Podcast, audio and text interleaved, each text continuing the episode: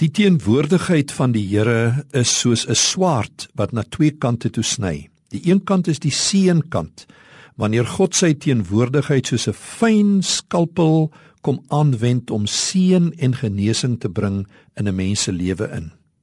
Maar God se teenwoordigheid kan ook soos 'n swaard wees wat oordeel bring.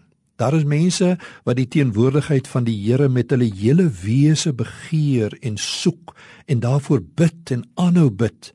Maar dan is daar ook mense wat God se teenwoordigheid vrees en wat beslis nie daarna uitsien nie en dit glad nie in hulle lewens wil hê nie.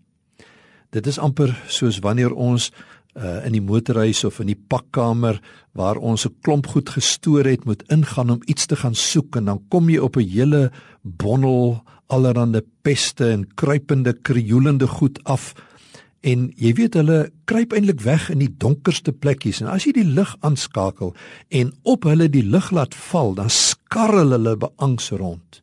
En baie keer is dit hoe mense dink oor die magtige heerlike wonderlike teenwoordigheid van God in Openbaring 1 beskrywe die ouderling Johannes sy ontmoeting met die verheerlikte Here Jesus terwyl Johannes as banneling op die eiland van Patmos was. Dis sy woorde. Toe ek omdraai, het ek iemand soos die seun van die mens gesien met 'n lang kleed en 'n goue band om sy bors. Sy kop en hare was wit soos wit wol, soos sneeu en sy oë het soos vuur gevlam. Sy voete was soos geel koper wat in 'n smeltoond gloei en sy stem soos die gedruis van baie waters. 'n skerp swaard met twee snykante het uit sy mond uitgekom. Sy hele voorkoms was soos die son wat op sy helderste skyn. Toe ek hom sien, het ek by sy voete neergeval en bly lê soos een wat dood is.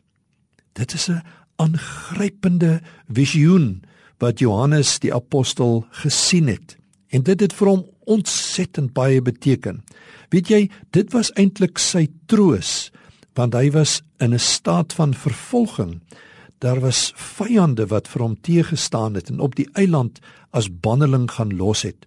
En soos wat sy lyding en sy vervolging ter wille van die evangelie meer intens geword het, het hy hierdie bewussyn in sy binneste gehad: My God is verbuisterend groot.